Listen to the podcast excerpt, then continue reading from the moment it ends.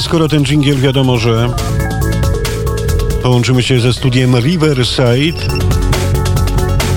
Błękit nieba przebija się przed te, te chmury wielkie, ołowiane pędzone przez Eunikę, o której będziemy mówić z redaktorem Bogdanem Ferencem. No i bardziej niż ciekaw jestem, jaka jest pogoda na naszych zachodnich szańcach. Dzień dobry, panie redaktorze. Stęskniłeś się trochę za redaktorem wybranym? He? Dzień dobry, witam Państwa bardzo serdecznie. Witam Ciebie, Tomaszu. Nie tęskniłem za Tobą, ponieważ widzieliśmy się wcześniej, także wiesz, jak, jak to było z nami. Ty to jesteś, wszystko wygadasz, wszystko wypaplasz normalnie. No tak, trochę, trochę taka prywatna. Mm, no akurat byłem wtedy w Dublinie i miałem możliwość spotkania się z tobą zaraz po wyjściu ze szpitala, także mm, to, to chyba, chyba było całkiem przyjemne i dla ciebie, a dla mnie z całą pewnością. Oczywiście, że tak, no, zwłaszcza, że też dostałeś zaległy prezent gwiazdkowy, który nie dotarł na czas, z czego bardziej niż bardzo się cieszę. Natomiast, drogi Bogdanie, dzisiaj, tak jak powiedziałem w finale e, poranka wnet Krzysztofa Skowrońskiego, mówić będziemy o tym wydarzeniu z 13 lutego. Ostatnia niedziela, Dom Polski przy 20 Fitzwilliam Place, ale zanim to nastąpi, pozwolisz, że e, krótkie kalendarium e, studia Dublin, panie i panowie. Budzisz się i słuchasz. A mianowicie 18 lutego 1948 roku John Costello został premierem Republiki Irlandii. E, tak naprawdę nazywa się John Aloysius, tak jak trzecie imię Jamesa Joyce'a Costello. Urodził się w Dublinie w roku 1891. Od roku 1948 do 1959 był przewodniczącym parlamentarnego klubu, klubu partii e, Fine Gael, natomiast od roku 1948 do 50 1951 i od 1954 do 1957 roku był premierem rządu mm, Republiki Irlandii. Być może słuchacze, drogi Bogdanie, mogą się zastanowić, szefie portalu polska-kije.com, dlaczego mówimy dzisiaj o tym niezwykłym dżentelmenie, o wydarzeniu sprzed 74 lat. Natomiast John Costello bardziej niż znamienita postać w historii nowożytnej Republiki Irlandii. E, z całą pewnością tak, ponieważ to on właśnie, właściwie jego rząd doprowadził do tego, że Irlandia opuściła wspólnotę brytyjską. Co ciekawe, mm, nikt tutaj, a właściwie niewiele osób w Irlandii wiedziało, że dojdzie do takiego wydarzenia, bo w 1948 roku, kiedy przebywał z oficjalną wizytą w Kanadzie, to jeden z tamtejszych reporterów zapytał go, co zamierza zrobić Irlandia w kwestii właśnie wspólnoty brytyjskiej. Wtedy pan Costello y, stwierdził, że oczywiście są takie plany i prawdopodobnie ta wspólnota zostanie y, pozostawiona samej sobie.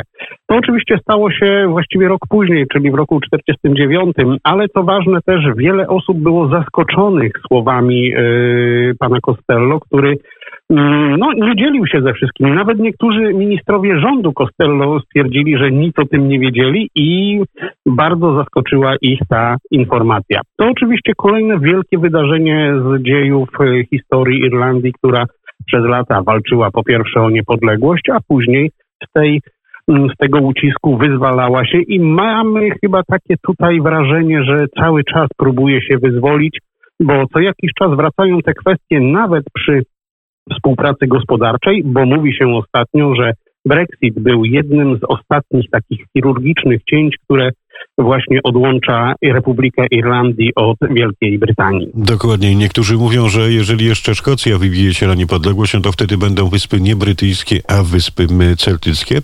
Co daj Boże, amen, jak mawiają starzy, klasyczni, konserwatywni, republikańscy Irlandczycy.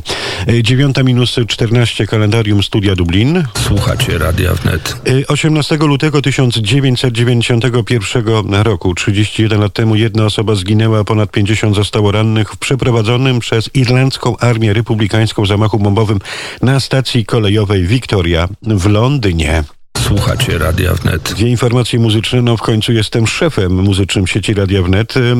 Dokładnie 30 lat temu, w 1992 roku, został wydany singiel November Rain amerykańskiej formacji Guns N' Roses. Nie każdy wie, że babcia Axla Rose była rodowitą Polką. Natomiast w roku 2006, 18 lutego, e, rekordowych 1 milion 201 tysięcy mm, e, 637 widzów przybyło na koncert grupy The Rolling Stones na plaży Copacabana w Rio de Janeiro. Radio Wnet. Więcej niż radio.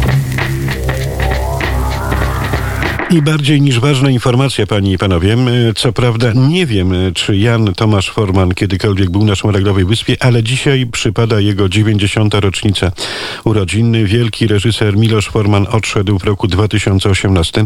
Oczywiście ten wielki światowy splendor i rozgłos za sprawą niezwykłego filmu Miłość Blondynki, no bo przecież te nagrody w Locarno i w Wenecji, ale od roku 1968 m, przebywał za wielką wodą. To zbiegło się z interwencją e, wojsk sowieckich i Układu Warszawskiego, e, gdy mowa o Czechosłowacji. No i pozostał już od 1968 roku. No ale dzięki temu między innymi takie filmy jak Odlot, oczywiście Lot nad kukułczym gniazdem na podstawie powieści Kena Kiseya i oczywiście ten niezwykły Amadeusz. A dla ciebie kim jest Milosz Forman, redaktorze Bogdanie?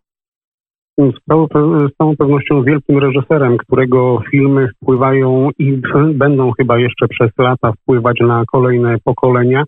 Filmy, które ukazują świat takim, jakim był widziany chyba oczami Milosza Formana. Ja też tutaj muszę przypomnieć film Amadeusz, który mm, co jakiś czas oglądam i muszę powiedzieć, że zrealizowany został z wielkim rozmachem, wręcz doskonale a rola prowadzącego, opowiadającego w tej firmie przecież pana Salieriego, no jest wręcz doskonała.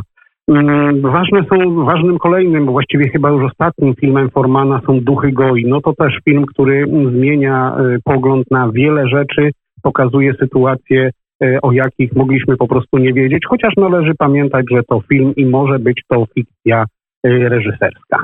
Bogdan Ferenc, Tomasz Wybranowski, Studio Dublin po krótkiej przerwie, y, panie i panowie. A za chwilę przed nami bardzo ważna informacja, albowiem Słuchacie Radia Wnet. Staropolska Wyższa Szkoła w Kielcach niebawem zmieni nazwę na Staropolską Akademię Nauk Stosowanych w Kielcach. Decyzję o przyznaniu uczelni rangi Akademii podjął minister edukacji i nauki, pan em, Przemysław Czarnek. E, To wydarzenie to duży sukces, sukces spektakularny, tym bardziej, że jesteśmy pierwszą niepubliczną uczelnią w regionie świętokrzyskim, która dostąpiła tego zaszczytu, która znalazła się w tak elitarnym gronie.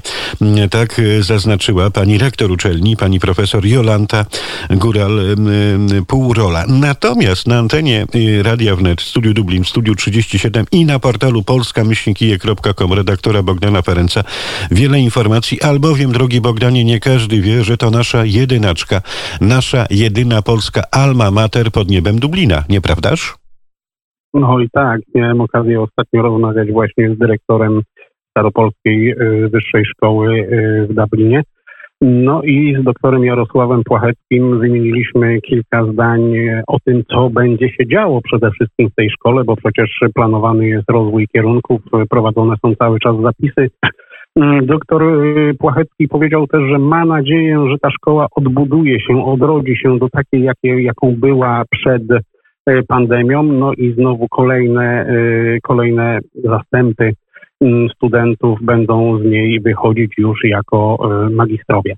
Co ciekawe, tutaj należy powiedzieć, że mm, mamy się też czym pochwalić, tak jak właśnie mm, Staropolską Szkołą Wyższą w Dublinie, która, która no, no, co by tutaj tego nie, co by, czego by nie powiedzieć, jest po prostu taką, która powinna tutaj być, powinna istnieć, jest bardzo duże zainteresowanie tą szkołą, no a jednocześnie mamy, mamy oczywiście taką, takie ziarenko polskości w Dublinie, które może kształcić e, kolejnych, e, kolejne pokolenia, nie tylko Polaków, bo z tego co wiem, e, uczniami, studentami tej szkoły są osoby z wielu e, krajów, które mm, reprezentowane są tutaj na wyspie.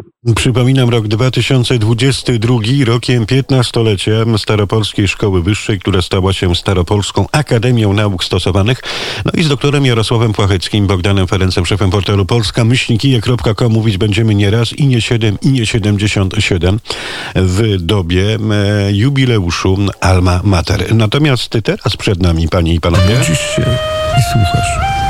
Radio wnet. Taka oto zapowiedź, albowiem środową porą, panie i panowie, my powracamy do tego niezwykłego wydarzenia. I tej daty, i tej specyfikacji trochę zabrakło mi w tym filmiku naszej pani ekscelencji ambasador Rzeczpospolitej Polskiej Anny Sochańskiej pod niebem Dublina, albowiem, drogi Bogdanie, 2 lutego 1922 roku za sprawą niejakiej Sylwii Beach m, z okazji 40-lecia urodzin e, wielkiego pisarza Jamesa Joyce'a ukazała się po raz pierwszy w druku powieść opatrzona tytułem Ulysses. Powieść, którą mm, zachwycało się e, tak wielu niezwykłych pisarzy, w tym m.in. Virginia Woolf czy Thomas Mann, panie i panowie.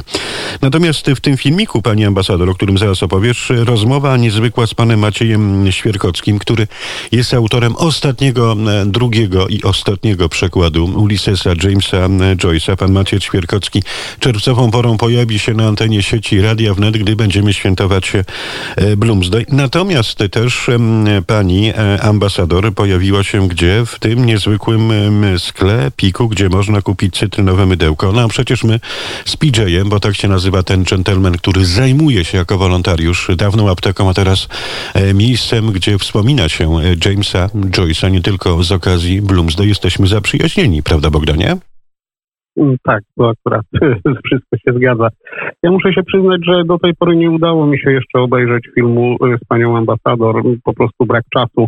Mm, Ale dobrze, że takie wydarzenia się dzieją, że ambasada pamięta o tym, że należy uczci, uczcić pewne daty, trzeba o tym przypominać. I podobnie jak robi to y, ambasada Republiki Irlandii w Warszawie, mm, Ulyssesa Jamesa Joyce'a stawiają właściwie ponad wszystko i jest to impreza już w tym momencie o charakterze międzynarodowym. A my będziemy do tego powracać, panie i panowie, albowiem e, studio Dublin stoi nie tylko tym, co dzieje się w bieżącej polityce Republiki Irlandii, kwestiach brexitowych czy napięć, tych wielkich napięć społecznych, bo o koronawirusie już mówić nie będziemy, albowiem wszystko powoli wraca do normy na Szmaragdowej Wyspie. Natomiast, jakby nie patrzeć, historia Irlandii jest dla nas bardziej niż ważna, jak również kultura, sztuka. I chociaż niektórzy mówią złośliwie, że my jako redaktorzy nic nie wiemy o tym, co dzieje się wśród czynników oficjalnych, to ja mogę odwrócić piłeczkę, odbić i powiedzieć, że no tak naprawdę jesteśmy tutaj przynajmniej ja od 18 lat, miesięcznik Wyspa, tygodnik Kurier Polski, kilka portali internetowych, Radio Wnet od 2010 roku, od roku 2006, em, żeby się nie chwalić, tylko wymienić to, co robimy. E, Program Polska Tygodniówka w irlandzkim Radiu NIR najdłuższy program e, na mm, Wyspach. No i twój portal, drogi Bogdanie, polska-myślnikije.com. No ale cóż, ja zażartowałem sobie dzisiaj na Facebooku, że my nie z tych, co klapę po ordery, my nie z tych, y, żeby zdjęcia robić, czy spotykać się z oficjalnymi czynnikami, tylko my jesteśmy od roboty, prawda? No dokładnie tak. Y, Wstajemy wcześniej rano, przygotowujemy materiał, aby Państwo, czytelnicy nasi i słuchacze mieli co robić, jak y, siedzą sobie w kuchni przy laptopie, porannej kawie, słuchają radia. I wtedy, wtedy okazuje się, co my tak faktycznie i naprawdę robimy. Jeżeli oficjalnym czynnikom nie podoba się to, co robimy, trudno, a po drugie chyba dobrze. To znaczy, że robimy coś, co przynosi jakieś efekty, czyli są oddźwięki tego, co dzieje się e, w naszej pracy. No i chyba tak powinno być. Ja oczywiście nie rozumiem słów krytyki wysyłanych pod naszym adresem, bo przecież kilka razy już mówiliśmy, że nie, nie, nie chcemy nikogo dyskredytować, a chcemy pokazywać, pomagać. No, ostatnio nie wyszła chyba za bardzo ta nasza próba e, współpracy, no ale myślę, że kolejne lata pokażą, że będzie tylko lepiej i wszystko będzie wyglądało tak, jak powinno wyglądać. No ale pani ambasador my, my, bryluje w studiu Londyn, a to też jest Radio Wnet. Natomiast za tydzień pojawi się u nas y, pan y, pierwszy radca ambasady Rzeczpospolitej Polskiej i pan konsul Grzegorz Sala. Panie i panowie, słuchacie Studia Dublin.